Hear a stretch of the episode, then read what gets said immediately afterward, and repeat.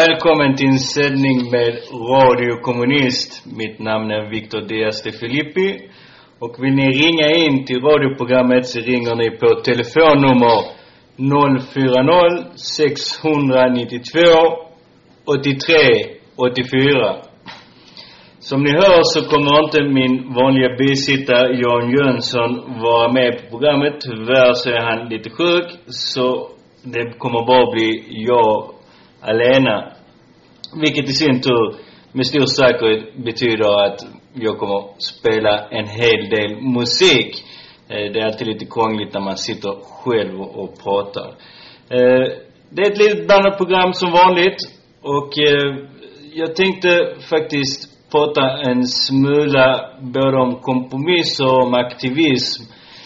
Men också om oktoberrevolutionen i sig eftersom det var den sjunde och, eh, november när oktoberrevolutionen genomfördes. Men låt oss börja från början. Som ni alla har hört så är det en diskussion om regeringen och om, om Magdalena Andersson kommer att bli statsminister i framtiden. Eh, det finns vissa förhandlingar nu. Det är talmannen som har bett Magdalena Andersson att sondera terrängen som man brukar säga och hon ska höra, se om hon kan bilda en regering nu i framtiden.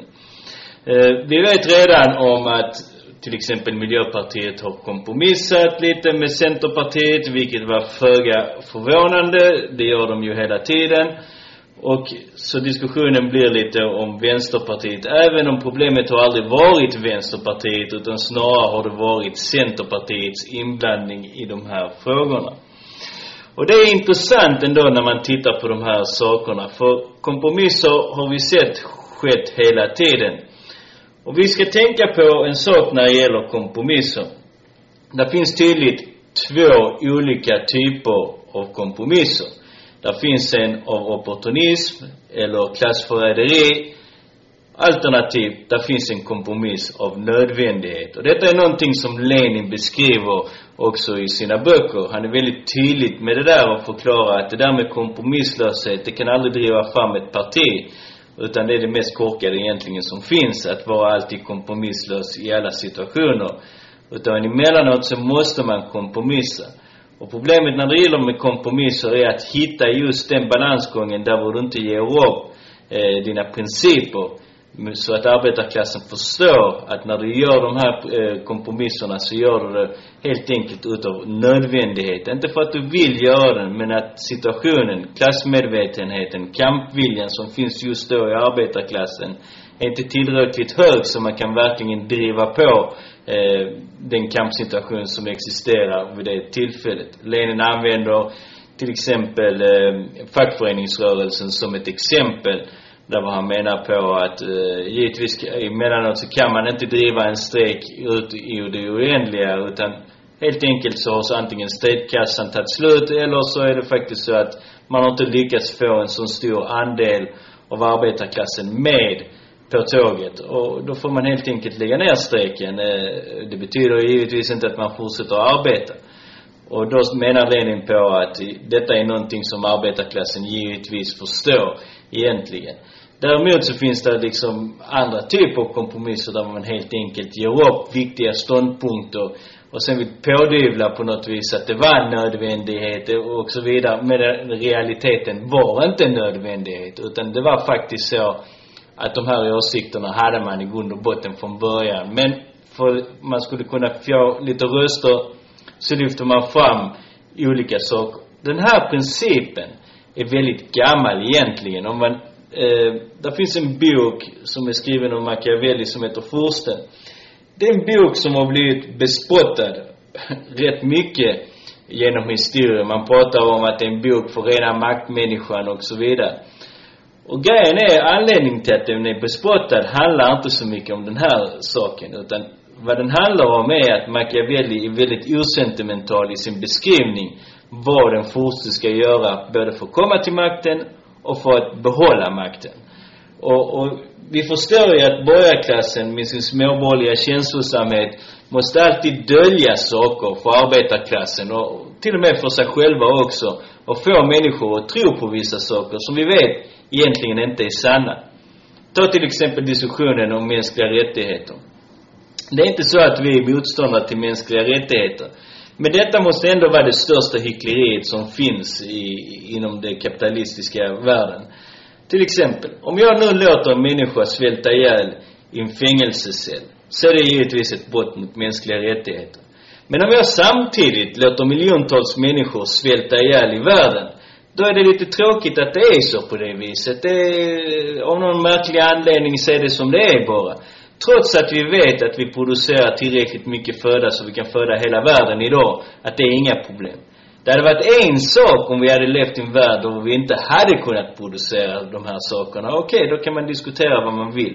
Men när man verkligen vet att vi kan göra de här sakerna, att vi kan helt enkelt distribuera sakerna på ett bättre sätt, då är det givetvis ett hyckleri när det finns de här sakerna. Vi vet att det är tiotusentals barn som dör varje år på grund av att de inte får tillgång till rent vatten. Och att bara brunnar för att få rent vatten är egentligen ingen stor kostnad. Men ändå så sker det hela tiden. Så, så att det här ser vi ju på det viset att de mänskliga rättigheterna är ett hyckleri i grund och botten. För de tar inte hänsyn många gånger till den materiella verkligheten som existerar. Och de gör inte det helt enkelt för att man vill dölja eh, de klasskillnaderna som finns i ett samhälle.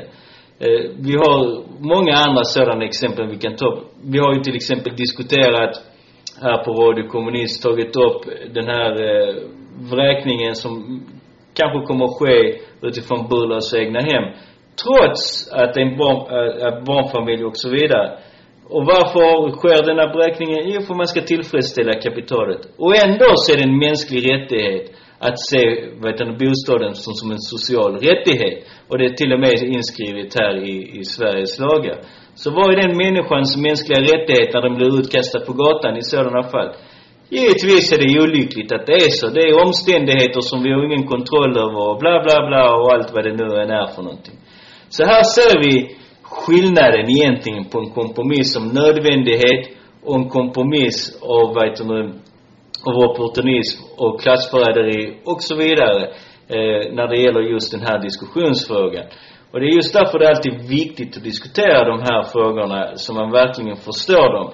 Att, ja, mänskliga rättigheter är en fantastisk grej. Men om man inte faktiskt försöker efterleva dessa mänskliga rättigheter utan endast i en kontext när man försöker kritisera en annan nation som man är en konkurrent med, det visar liksom allting i grund och botten. Var är till exempel eh, mänskliga rättigheter när den svenska staten hjälper Henrik Mauritz att suga ut eh, människorna i Etiopien för de jobbar för, jag vet, 10 kronor om dagen så att de kan sälja sina kläder och tjäna ännu mer profit eh, på det här sättet. Där såg vi inte hur Stefan Löfven gick ut och pratade om fackliga rättigheter eller något sånt. Nej, utan istället så hjälpte han dem att eh, kunna göra de här sakerna.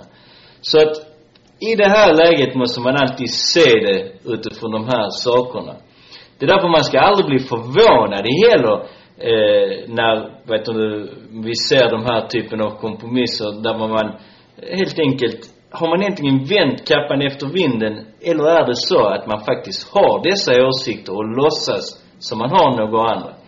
Vi diskuterade i förra radioprogrammet just om LAS. Och nu har den där frågan kommit upp nu och som vi har sett så har LO vänt i den här frågan. Det betyder inte att alla fackförbund har faktiskt ändrat, men man har ändå ändrat sig som en organisation.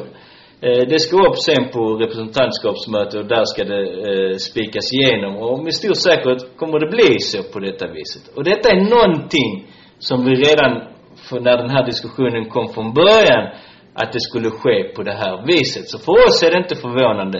Men det är just för att vi inte ser eh, deras vackra utspel om det ena och det andra som någon typ av absolut lag eller något sådant. Utan vi ser givetvis att de har gjort så här många gånger tidigare i grund och botten. Thomas Baudin som är nu vald som sekreterare i, i, i det socialdemokratiska partiet, så där alla står och applåderar och allt vad det nu är för någonting. En av dem som då har, har godkänt just den här eh, LAS-förändringarna. Hans fackförbund har ju gått ut och gjort de här i, i de här dagarna. Så att när han gör de där typen av deklarationer och sen tror man på något vis att han ska spela en roll i den bemärkelsen till att bevaka arbetarklassens rättigheter. Det är fullständigt felaktigt och absurt att tro något sådant. Han är givetvis en klassförrädare och ingenting annat. Och, och Magdalena Andersson är precis likadan. Det finns ingen skillnad på dem egentligen. För annars hade de aldrig överhuvudtaget blivit valda till den typen av positioner. Annars hade man givetvis sagt nej till dem helt enkelt. Eller till och med sparkat ut dem från fackföreningsrörelsen. Om det nu till och med, om det hade varit så att de hade kunnat samla radikala krafter i sitt eget parti. Så därför är det viktigt alltid att komma ihåg de här sakerna. Och det är väldigt viktigt inför valet också att tänka på det här. Att när du väl lägger din röst på de här, och att du verkligen tror att det kommer att göra en stor skillnad. Det är fullständigt felaktigt. Det var människor som Daniel Suhonen och andra som kring, kring och påstår de här sakerna. Ja, bara vi får större inflytande så kommer vi förändra, eh, vad vet du, Socialdemokraterna. Men det har visat sig rent historiskt i hundra år att det har inte varit så. Utan tvärtom så har Socialdemokraterna gått steg för steg för steg längre högerut hela tiden. Och till slut har det blivit så att det inte handlar inte om ett val längre. Utan det handlar om eh, eller en kompromiss om nödvändighet. Det handlar om att det är deras faktiska politik som har drivits konstant hela tiden. Under 90-talet så var faktiskt Sverige det landet i världen, om man bortser från de tidigare realsocialistiska republikerna, det landet i världen som gjorde mest nedskärningar eh, och privatiseringar. Eh, det var alltså inte Storbritannien som många faktiskt tror, utan det var faktiskt Sverige som gjorde, genomförde det där. Och där klappade Socialdemokraterna sig på bröstet och sa, ja vi ska privatisera ännu mer. Så att, att tro på de här grejerna, jag, jag förstår liksom inte. Och någon gång måste ändå arbetarklassen inse på något vis att det får ta slut med de där sakerna. Att man måste ta sitt eget ansvar i de här frågorna. Man kan inte bara ställa sig åt sidan och låtsas som att det regnar tro att den röstsedeln kommer att förändra världen, utan det är endast utifrån sin egen kraft att man faktiskt kan förändra saker. Att man verkligen organiserar sig. Att man deltar i det politiska livet kontinuerligt hela tiden. Betyder givetvis inte att man blir en kommunist bara för, enbart för det, för det kräver också att man studerar och andra saker. Men det är ändå en bra början att göra de här sakerna. Att tro att någon annan ska göra det åt en, det är det mest korkade som finns. För i så fall, vad man gör i det läget, om man verkligen tror på det här, då helt enkelt spottar man egentligen på arbetarrörelsens he hela historia i grund och botten. För arbetarrörelsen förstod det där, att det är vi som ska göra förändringarna. Och ingen annan kommer att göra det åt oss. Utan enbart vi. Men sen har man bedragit folk på ett sådant vis att man får dem att tro, ja men om du röstar ett ombud bara så kan du sticka hem och kolla på TVn eller vad det nu är för någonting. Och det är givetvis ett stort bedrägeri. Och det måste man liksom komma ifrån. Man måste få inse att enbart genom egen kraft kan man förändra världen. Borgerligheten kommer aldrig vara intresserad av att förändra världen till arbetarklassens förmån. Det där är bara dumheter. Så därför måste vi själva som arbetarklass inse att vi måste förändra världen idag. Och inte imorgon eller övermorgon, utan idag helt enkelt. Mm.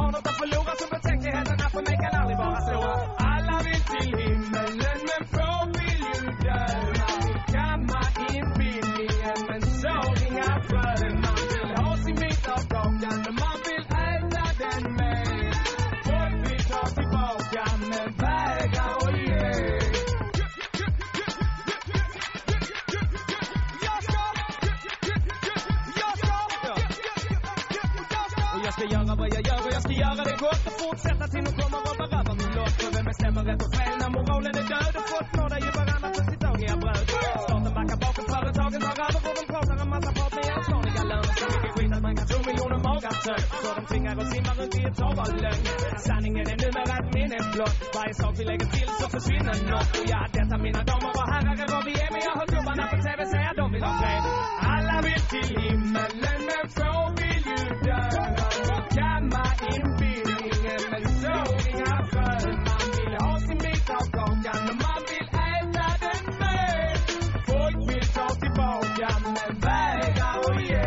Och jag ska spotta pissla som det var min sista dag och jag visste om det. Jag kanske hittar svaren i sista ronden. Har missat så många val att det visslar om det. Listan är lång den som vägen dit vad det vill, det är säkerligen ett dyrt pris. Har tänkt på det men mestadels ytligt. Fel ljud det testar en psykiskt. Man får betala för allt som betyder något. Sån är lagen, inget alls vi kan fly ifrån. Jag ser det jag ser och jag ser inget annat och det jag ser när jag tittar gör mig riktigt förbannad. Vi är på väg någonstans och jag vet inte var. Hoppas vi kan komma på det medan planeten är kvar. Prylar, grejer, saker, är det något jag har Men ändå så är jakten på det, något som plågar oss bra. Jag menar riskerna är många men de måste vi ta. För lidandet blir ännu större utan något kapital.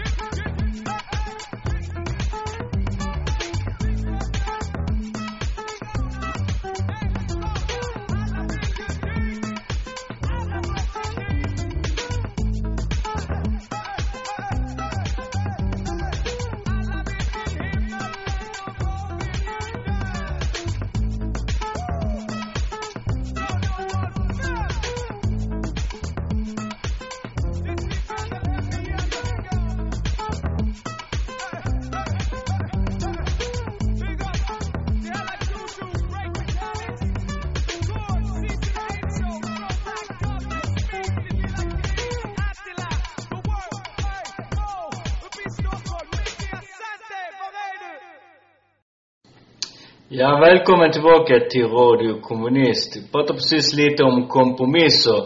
Eh, jag tänker ändå fortsätta lite med LAS. Jag vet att det kan kännas lite tjatigt eftersom vi har pratat om LAS en hel del sak gånger. Men det är ändå en bekräftelse just på vad vi eh, har sagt många gånger tidigare. Om man tittar då på de olika utspelen som har gjorts, eh, till exempel av Pappers och andra, Eh, så, så ser vi väldigt tydligt vad, det, vad de påstår egentligen vad det handlar om.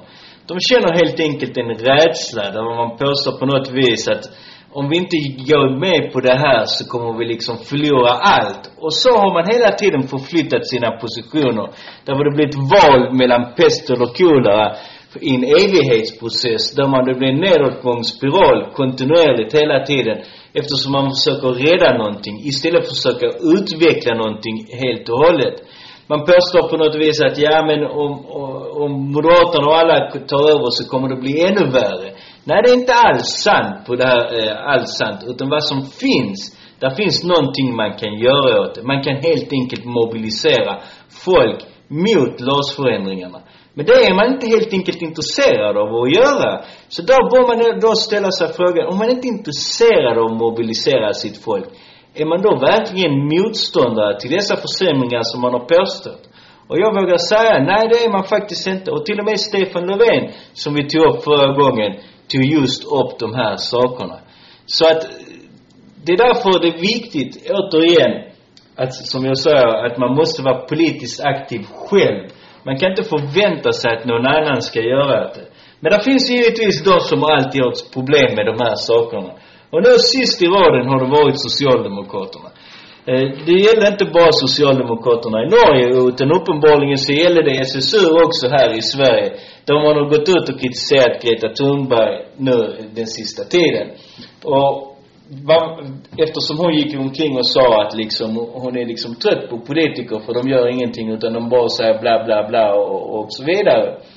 Och i denna frågan har hon givetvis rätt i, i den här diskussionen. Utan man bör ändå, men det är klart, man kan ju inte förvänta sig allt av en person som är 19 år gammal. Så på sätt och vis har SSUs kritik ett visst fog för saker. Där de säger att aktivisten kanske inte alltid tar ett, ett genomgripande ansvar på det viset att man aktiverar sig helt enkelt i bara en fråga. Man är inte intresserad av pappersvändandet och sådana här saker, utan det är bara aktionerna i sig själva som är intressanta. Och där kan man ge SSU ett visst fog för det. Men sen å andra sidan bör man ställa sig frågan, vad gör SSU själva för att driva den här frågan? Alltså SSU är en organisation som har nästan 20 000 medlemmar idag i Sverige. Dess moderparti har ungefär runt 70 000 medlemmar. De har kontrollerar fackföreningsrörelsen som har ungefär, jag vet inte, två, tre, fyra miljoner eh, medlemmar. De kontrollerar PRO, eh, som har också ett visst antal medlemmar. De kontrollerar Hyresgästföreningen, ABF. Nämn det så kontrollerar de hela, i grund och botten, arbetarrörelsen i sig själv. Så i sin rygg har de alltså miljontals människor som de kan kalla och, och gå ut på gator och torg. Så varför händer inte detta? Varför blir det liksom bara ett klankande på henne och istället för ett klankande på sig själv i grund och botten?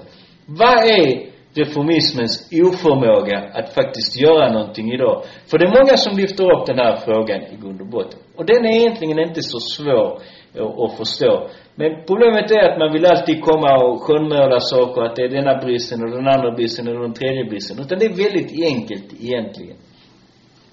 Reformismen idag i Europa är ett dött kapitel helt enkelt.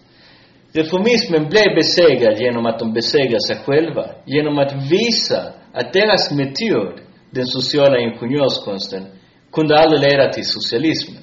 De fick en möjlighet från 50-talet och, och uppåt att bevisa att den där så kallade demokratiska eh, socialismen skulle leda till socialismen just genom verktyget social ingenjörskonst. Och det går inte att förneka att vissa av dessa människorna som verkligen trodde på socialismen gjorde ett väldigt bra arbete i en hel del frågor. Men till slut så nådde man till den punkten där man antingen skulle gå ut över kapitalismen eller helt enkelt acceptera kapitalismens spelregler. Och det visade sig att dessa människor inte var tillräckligt medvetna för att kunna lägga den sociala ingenjörskonsten åt sidan och verkligen trycka på för en förändring i samhället. Och på så vis besegrade den sig själva. Det innebar i slutledan att reformisterna har inget projekt att stå bakom helt enkelt. Det är just därför reformisterna väldigt, väldigt sällan pratar om socialismen. De gör det någon gång, men väldigt sällan. Jag ska återkomma till när de gör det och hur de gör det. Men vad de aldrig pratar om, det är om metoden i sig själv. För vem som helst förstår ju i grund och botten om man ska diskutera ett problem så måste man också söka lösningarna på problemen. Alltså du måste finna vägar, metoden för att du ska lösa det här problemet. Om då dessa reformister helt plötsligt skulle sätta sig ner och börja prata om social ingenjörskonst så hade alla människor tyckt de varit helt jävla efterblivna i sådana fall. För man har redan testat på det här Så därför vågar man inte diskutera de här sakerna. Och eftersom det finns inget projekt att samla folk kring utan bara en enfrågeställningstagande, lite som kommer lite då och då och sällan. Då har du helt enkelt ingen rörelse längre. Utan vad du har, det är massa passiva pappersmedlemmar i grund och botten. Det är därför SSU, det är därför Ung Vänster, det är därför Vänsterpartiet och det är därför Socialdemokraterna inte bidragen till någonting överhuvudtaget. Utan det enda de gör är springa omkring och ha något uttalande på Facebook eller, eh, det är väl deras aktivism i grund och botten.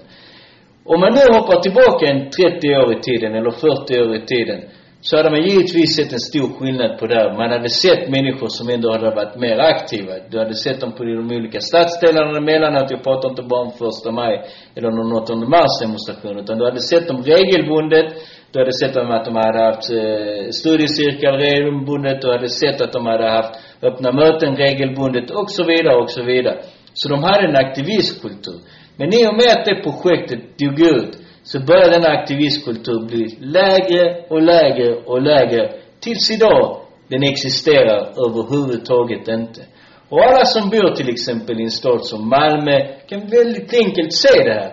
Du ser inga affischer som de sätter upp. Du ser dem aldrig dela ut flygblad. Du ser dem aldrig hålla ett torgmöte. Du ser dem nästan aldrig organisera en demonstration och så vidare. Och ändå så har sossarna nästan 100 000 medlemmar. Och ändå så har Vänsterpartiet 20 000 medlemmar. Ändå så har SSU 17 000 medlemmar. Och ändå så har Ung Vänster 10 000 medlemmar. Någonting i den stilen.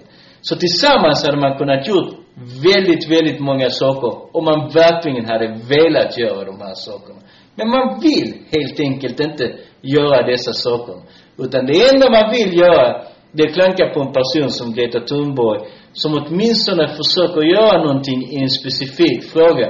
Även man kan diskutera hennes eh, politiska ställningstagande, om hennes analys är fullständigt korrekt och så vidare. Men hon åtminstone försöker göra någonting. Och hon aktiverar väldigt, väldigt många ungdomar i den här frågan. Och utifrån deras aktiviteter så kommer givetvis människor som är mer medvetna påverka dem och kommer dra dem till korrekta ställningstaganden. Utan någon aktivitet överhuvudtaget så kan man aldrig dra någon till någonstans helt enkelt. För man är helt enkelt ointresserad av politiska frågor. Och det är just det man ser i grund och botten med SSU och Ung Vänster. De är egentligen ointresserade. Varenda de är intresserade, det är att bli kanslister i framtiden och få en lön eh, som de kan vända sig till och sen göra en politisk karriär av, av det där. Man är helt enkelt inte intresserad av någon klasskamp i grund och botten. En klasskamp, inte bara som går ut över ramen för det kapitalistiska samhället, men en klasskamp på åtminstone en, en spontan kamp som driver fram bra reformer för arbetarklassen. Det är man inte intresserad av. För ingen kan påstå det där när vi ser diskussionen till exempel om LAS, om arbetsförmedlingen, om att, man, att eh, de studenterna ska betala mer nu i, i räntan och allt vad det nu än är för någonting. Bostadspolitiken, sjukvårdspolitiken eller vad det nu än är för någonting. Man ser väldigt tydligt att man inte är intresserad av det här. Men ändå så måste människor emellanåt sprida skrönor. Och en sån skrönspridare är givetvis Jonas Sjöstedt och hans kompis Pelle Drogstedt som har nu publicerat en debattartikel på tidningen Arbetet. Och den heter Var socialismen har fungerat här i Norden. Och vad de gör är en framställning där man skriver att i Sverige har vi haft offentliga bolag och vi har haft kooperativ. Så därför har vi haft en socialistisk erfarenhet i Sverige. Och vi ska bara utveckla denna så kommer socialismen av sig själv på något vis. Alltså, detta här är en av de största, ett väldigt stort bedrägeri man, som man bedriver. För den här diskussionen har man fört liksom väldigt länge tidigare. Nu måste man förstå det här. Att det finns inte en enda borgerlig stat som inte har en offentlig sektor. Till och med den fattigaste och den jävligaste land som finns i världen har en offentlig sektor. Där var det finns offentliga bolag och där finns kooperativ och så vidare. Men ingen jävel skulle springa omkring och säga att de lever i någon halvsocialistisk stat. Men i Sverige har man drivit den där myten väldigt, väldigt hårt. Inte bara i Sverige utan Norge, Finland och så vidare. Att man har levt i det som man kallar en form av blandekonomi. Med en kapitalistisk ekonomi med väldigt stora så kallade socialistiska inslag. Det här är baksidan egentligen på de eh, österrik, österrikiska extrema nyliberala skolan, där vad de påstår att varje ingrepp i samhället, varje liten, liten eh, offentligt bolag som ägers är en form av socialism. Och man har spunnit vidare egentligen på den myten. Återigen, där finns ingen stat som inte har någon form av offentlig sektor. Och man kan säga så här, det har aldrig existerat en stat som inte har haft en offentlig sektor. Och nu kommer någon och säger, ja men under feodalismen som var en typ av en stat eller en antik. Nej, nej, nej. Där fanns en offentlig sektor där också. Till exempel, i Sverige fanns det lagar, en form av fattigvårdslag som var eh, en form av pension där var eh, feodalherren var tvungen, även om man inte vill kalla det feodalism i Sverige, men det var ändå en form av feodalism, eh, var tvungen att ta hand om just de bönderna som fanns på sitt område. Och så var det i stora delar av Europa, så det fanns en offentlig sektor. Under antiken fanns det också en offentlig sektor med utdelande av säde, eh, gratis utdelande av, eh, vad heter det, eh, bröd och, och, och så vidare. Så att det har alltid existerat en offentlig sektor inom alla stater. I vissa lägen har den varit större, i andra lägen har den varit mindre. Det är det som är skillnaden och ingenting annat i grund och botten. Så när Jonas Sjöstedt påstår de där sakerna, att detta är en form av socialism, så är han givetvis helt fullständigt felaktig. Och det är inte en felaktighet som kommer på grund av någon form av ignorans eller något sådant. Utan det är en felaktighet som baserar sig på ett bedrägeri helt enkelt. Han vill helt enkelt bedra folk när det gäller de här sakerna. Genom att påstå att det är någon form av socialism. Så när man genomför en form av eh, social reform så kommer alla säga, ja men titta vi har socialismen i Sverige. Nej, vi har inte socialismen i Sverige. Vi hade på 70-talet familjen Wallenberg. Vi hade Bonniersimperiet. Vi hade allihopa i princip som finns idag. Sen att det har kommit, tillkommit nya och vissa andra har dött. Så enkelt är det. Men vi hade fortfarande monopolen. Och de offentliga bolagen, de är inte undantagna någon form av kapitalism eller något sådant. Det är fortfarande så, om de inte är lönsamma så får du sparken. Det är fortfarande så, om du tjafsar på den arbetsplatsen så får du sparken. Det har aldrig varit på någon form av en socialistisk rörelse, som man vill påstå på något vis. Utan det är fortfarande en kapitalistisk stat. Alltså det är fortfarande kapitalet som har hand om det. Men vad som har varit skillnaden när vi pratar i en kapitalistisk kontext är att arbetarklassen har varit väldigt, väldigt aktiv vid vissa tillfällen. I det internationella läget var väldigt annorlunda. Vi hade, eh, vi hade ett socialistiskt block i vår närhet. Och därför kunde arbetarklassen också driva igenom en hel del reformer som kanske gick lite utöver det som kapitalet ville. Men det betyder ändå inte att vi, många av reformerna var kapitalet själva intresserade av. Till exempel utbyggnad av järnvägsnät, utbyggnad av vägnät, utbyggnad av bostäder till slut, eh, utbyggnad av skolan och allt vad det nu än är för någonting. För det utvecklar produktionen och eftersom den utvecklar produktionen så utvecklar den också borgarklassens profit i det här läget. Så när han påstår de här sakerna så påstår han givetvis utifrån en bedrägarsynvinkel. Det är alltså inte sant det han påstår egentligen. Utan han vill ha att vi ska ha en mer, en, en kapitalism med ett mänskligt ansikte. Han är inte intresserad av en socialism överhuvudtaget. Annars hade han givetvis inte sprungit omkring och pratat om den här rappakaljen. Men det som är återigen är intressant när man ser den här artikeln. Vad är det som saknas i den här artikeln? Givetvis saknades eh, metoden. Hur ska vi nå till allt det här? Hur ska vi göra med de här sakerna? Hur ska vi nå framåt? Allt han kan säga är liksom lite, ja vi måste organisera oss lite mer. Det är allt. Han kan inte komma med mer. Han kan aldrig diskutera någon form av taktik eller något sådant. För han är inte intresserad av de här frågorna egentligen i grund och botten. Men han måste skriva någonting. Han får betalt för någonting att skriva av, av de här grejerna. Så därför är det relevant för honom att göra det. Samtidigt som han är en person som är villig att bedra arbetarklassen, helt enkelt.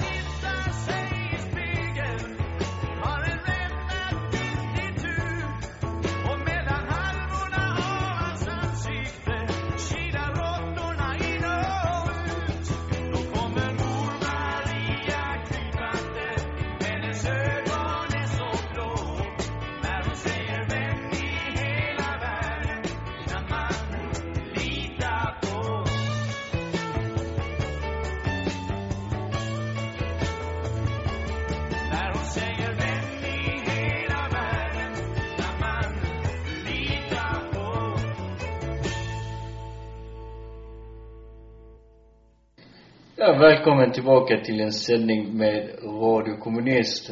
Det är Victor Diaz de Filippi som är här idag. Tyvärr så är inte Jan Jönsson med denna gången, men han kommer givetvis vara med förhoppningsvis nästa vecka. Eh, jag vill att ni ska allihopa, eh, kära lyssnare, vara uppmärksamma på den 15 november. Den 15 november är ett datum där vår klassförrädare, imperialistrakejer, legoknektar kommer hålla en så kallad fredlig marsch på Kuba. Och dessa människor är inte vanliga människor som har en legitim rätt att protestera mot de problemen som har, finns på Kuba. Utan det är den här gruppen som sist, den 11 juli, sprang omkring och slog sönder eh, delar av centrala Havanna. Och här i Sverige, eh, och inte bara i Sverige utan i Europa, så slog man väldigt stort på trummorna när det gällde de här sakerna. Man påstod på något sätt att det var hur många kubaner som var ute på gatan och, och protesterade och man slog sönder eh, delar av Havanna, brände eld på bilar för att, på grund av polisbrutalitet. I verkligheten var det att det var väldigt få människor som faktiskt var ute och demonstrerade.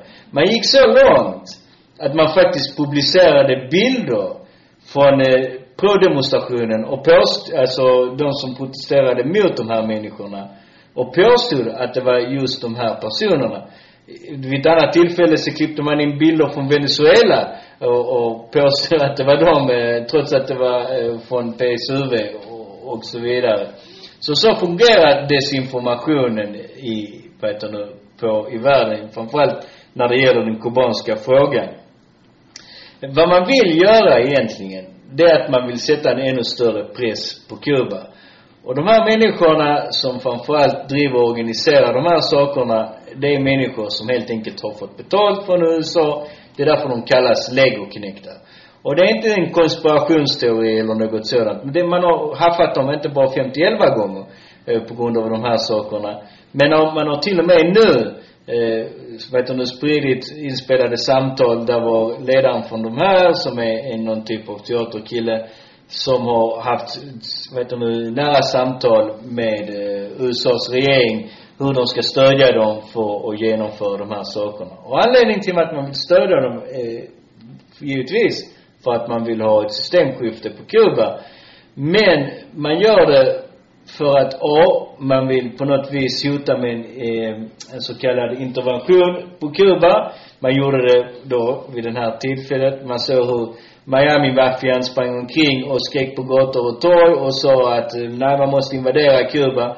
Och vi ser hur dessa patrioter agerar ju i de här lägena som springer omkring med sin slavmentalitet och, och gör vad USA världens kapital vill. ha. inte bara USAs kapital egentligen, utan hela världens kapital i grund och botten.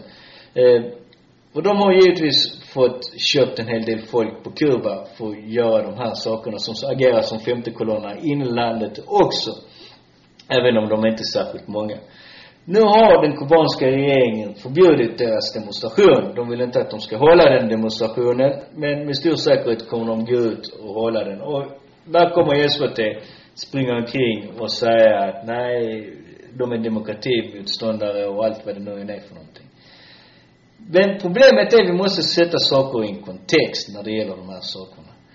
Alltså Kuba är utsatt eh, efter inte bara en extremt grym handelsblockad som gör att i praktiken man kan inte importera någonting idag. Trots att nästan, jag tror 184 länder nu i den sista omröstningen i, i, i FN eh, visar på att det är en kriminell handling som pågår och man måste lyfta upp den. Eh, men ändå så händer det ingenting. Och återigen, nu är det diskussion om mänskliga rättigheter igen. Man gör sådana här saker emellanåt. Men ändå så accepterar man USAs handelsblockad. Och man till och med inte bara accepterar den, utan man följer den också. Och varför följer man den? Jo, givetvis för att USA är en stor handelspartner. Och man vill inte bli av med att kunna avsätta sina produkter på deras marknader. Så det USA säger måste man givetvis följa i det här läget. Inte för att det är USA som säger det, utan för det är eh, alltså USAs kapital som säger de här sakerna. Och eftersom Europas kapital måste stödja eh, Europas politiker måste stödja europeiska kapitalet, så går de med på det här tåget.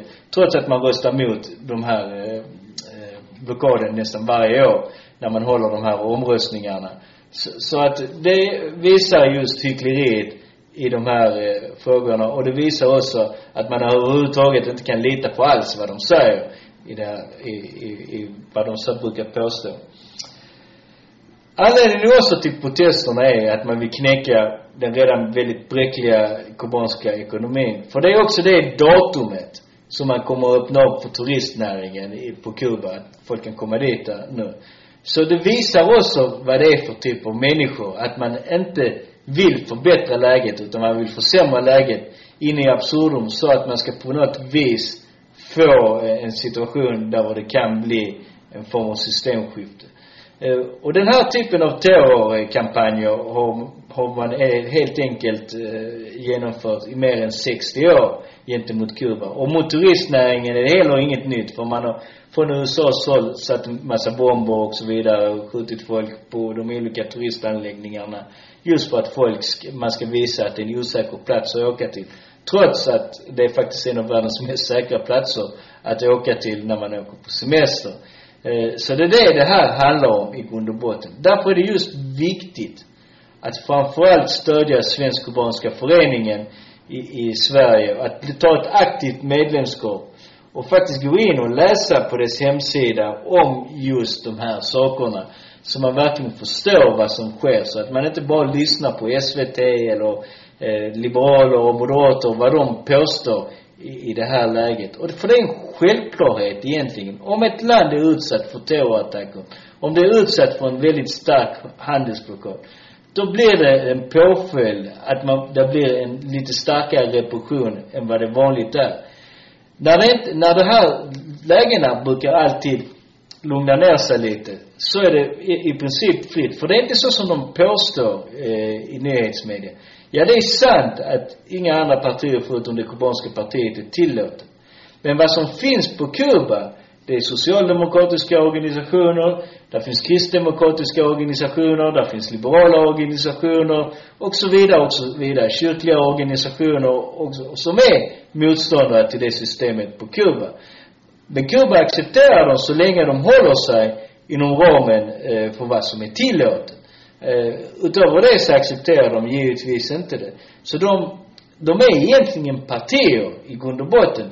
Men de kallar, alltså de får inte kalla sig partier. Varför det är så på det viset kan inte jag förklara. För jag, jag, jag tycker det hade varit lika bra att låta dem kalla sig partier. För de är de facto partier som är organiserade på Kuba. Så det finns egentligen ingen organisationsförbud på det viset. Det enda organisationsförbudet som finns där, när det gäller politiska organisationer, det är ett, vet du, förbud mot fascistiska organisationer. Allt annat är i princip tillåtet och har varit tillåtet under en väldigt, väldigt lång tid. Så därför är det en myt i grund och botten. De har en rätt att komma ut. Men man vill alltid få det på något vis som de inte har en rätt att uttrycka sig. Utan de har alltid haft en rätt att uttrycka sig.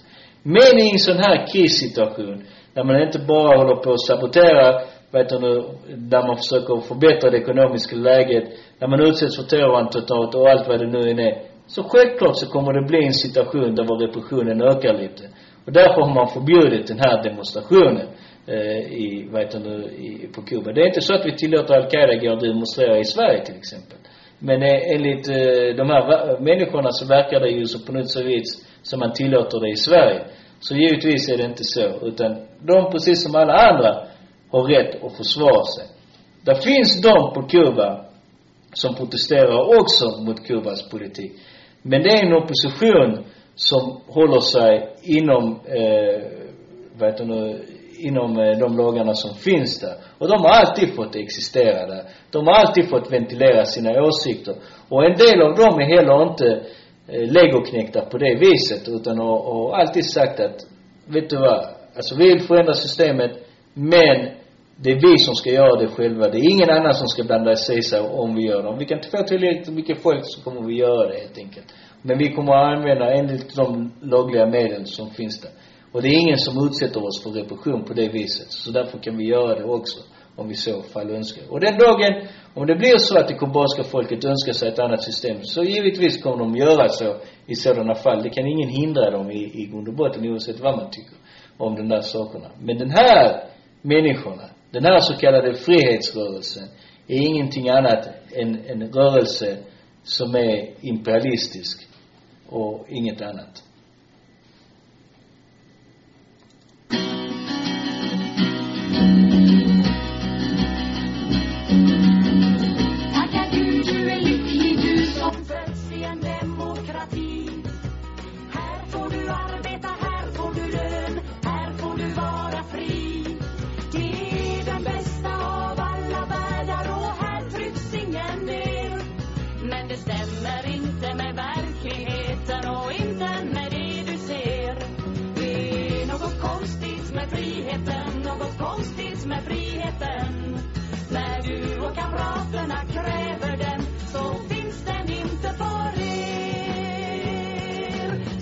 Det att du har frihet att ta vilket jobb du vill. Men för den som flyttas till en barack räcker inte friheten till. Det sägs att frihet att arbeta, det är en självklarhet. Men när du står bland de arbetslösa, var finns då din valfrihet? Det är något konstigt med friheten, något konstigt med friheten. När du och kamraterna kräver den, så finns den inte för er. Det sägs att du får tillräckligt betalt för ditt idoga knog. Men när du sålt din arbetskraft har du ändå inte pengar nog. Och när du kräver mer blir friheten en illusion. Det finns inga pengar att ta av till dig en så ringa person. Har frihet att utveckla din personlighet, att skapa din egen lycka och bruka din driftighet. Du närs med en dunkel dröm om rikedom och makt. Du får fly till en värld som du aldrig kan nå av kärlek, lyx och prakt. Det är något konstigt med friheten, något konstigt med friheten. När du och kamraterna kräver den så finns den inte för er. Nej, den lilla frihet du har har din klass fått kämpa sig till. Och i detta system kan du inte föra den längre än borgarna vill. För borgarnas diktatur är den verkliga friheten här. Där arbetarklassen förnedras och förtrycks av profit Konstigt med friheten, något konstigt med friheten. När du och kamraterna kräver den så finns den inte för er.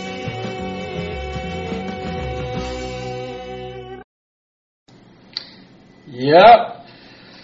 För 104 år sedan, den 7 november, så insåg arbetarklassen eh, tillsammans med bönderna i dåvarande Ryssland att det var något konstigt med friheten. De insåg att den friheten som existerade var bara borgarklassens frihet och ingenting annat. Deras sätt att profitera på arbetarklassen och på bönderna också. Därför gjorde de en revolution. Och det är den revolutionen som kallas oktoberrevolutionen. Och den heter oktoberrevolutionen helt enkelt för, för att man hade en annan kalender än den, den gregorianska kalendern. Man hade en juliansk. Så därför så blir det egentligen, jag tror det är den 24 oktober Eh, enligt den kalendern. Men enligt vår så är det den 7 november. Och då tog man helt enkelt makten. Man insåg att man inte kunde leva som förr. Utan man var tvungen att förändra saker i sitt land. Och det är precis det som kubanerna gjorde 1959, den första eh, januari också. Och det är därför det är alltid viktigt att fira de här händelserna. Givetvis vill borgarklassen inte att man ska fira de här händelserna. De vill inte det för att det, det visar liksom att arbetarklassen kan faktiskt ta makten. Att arbetarklassen inte behöver kapitalet för att styra sig själva. Att det är bara en illusion i grund och botten. Att det var så en gång i tiden i, i sin process av utveckling, det är ingen som förnekar det. Men idag är- vet du, kapitalet är ingenting annat än para, en parasit i grund och botten. Som inte bidrar till någonting överhuvudtaget. Vi ser det i miljöfrågan där man helt enkelt håller på att mörda planeten i, i just nu. Och allt man kan göra är bara att diskutera en massa struntprat på massa idiotiska möten som, där ingenting händer överhuvudtaget. Utan istället, det som händer är det som man kallar greenwashing. Att man på något vis vill framställa sakerna som de är, äh, vad de egentligen inte är. Vi ser det när eh, går springer omkring och kritiserar den ena och den andra istället faktiskt för att kritisera sig själva och, och sin brist på aktivism, sin brist på idéer, sin brist på allting i grund och botten. Vi ser det när Jonas Sjöstedt pratar om socialismen. Vi vill aldrig prata om metoden, hur vi ska nå dit. Bara prata en massa rappakalja och bara ljuger också för människor i de här lägena. Så det var det oktoberrevolutionen handlade om också. Att det var slut på illusionerna. Man lyssnade inte helt enkelt. För att man förstod, man hade avslöjat dem och man förstod att de hade inget värde längre kvar längre. Så därför tog arbetarklassen makten i de här länderna. Och det blev en väldigt stor inspiration från världen runt över. Det gav en, en mäktig impuls till de antikoloniala stämningarna. Det gav en mäktig impuls till faktiskt till, till och med till borgerlig demokrati om man ska säga så i flera av de länderna i Europa. För man var helt enkelt vettskrämd vid den här tiden. Även om man försökte göra allting vad man kunde för att störta den. Till slut så kunde, eh, vet du nu, arbetarklassen inte behålla sin makt i, i Sovjetunionen. Och det var en stor förlust i grund och botten. Men det innebär inte att oktoberrevolutionen misslyckades på något vis. Utan tvärtom. Det är fortfarande en väldigt stor seger. Det är fortfarande en väldigt vital 104-åring som vi kan lära oss väldigt mycket av. Och på partiets hemsida, riktpunkt.nu, så finns det en artikel som är publicerad där som heter 104 år sedan oktoberrevolutionen. Och jag hoppas att ni springer omkring, uh, att ni tar er tid att faktiskt läsa den här och inspireras av vad man bör göra i framtiden. Med det så säger jag tack och gör och ha en fortsatt trevlig helg. Framåt kamrater, till uppror manar Vår röda fana, vår röda fana Framåt kamrater, till uppror manar Vår röda fana som segern ger Röda fanan ska mot seger gå. Röda fanan den ska segern nå. Röda fanan ska mot seger gå. Leve socialismen, leve friheten. För alla utsugna stora skara Ska röda fanan signalen vara. Och proletärer, stå upp och kämpa vår röda fana ska seger ge. Röda fanan ska mot seger gå. Röda fanan den ska seger nå. Röda fanan ska mot seger gå. Leve socialismen, leve friheten. Och land till sjöss i gruvor och fabriker. Du som har hoppet som aldrig sviker revoltens timma Vår röda fana ska seger ge. Röda fanan ska mot seger gå. Röda fanan den ska segern nå. Röda fanan ska mot seger gå. Leve socialismen, leve friheten. Nej, ska finna gränser mera ska hindra oss, vi ska triumfera. Och socialister stå upp och kämpa. Och röda fana ska seger ge. Röda fanan ska mot seger gå. Röda fanan den ska segern nå. Röda fanan ska mot seger gå. Leve socialismen, leve friheten. avanti popolo, alla riscossa, bandiera rossa, bandiera rossa, avanti popolo, alla riscossa, bandiera rossa, trionferà, bandiera rossa la trionferà, bandiera rossa la trionferà, bandiera rossa la trionferà, e viva il socialismo e la libertà.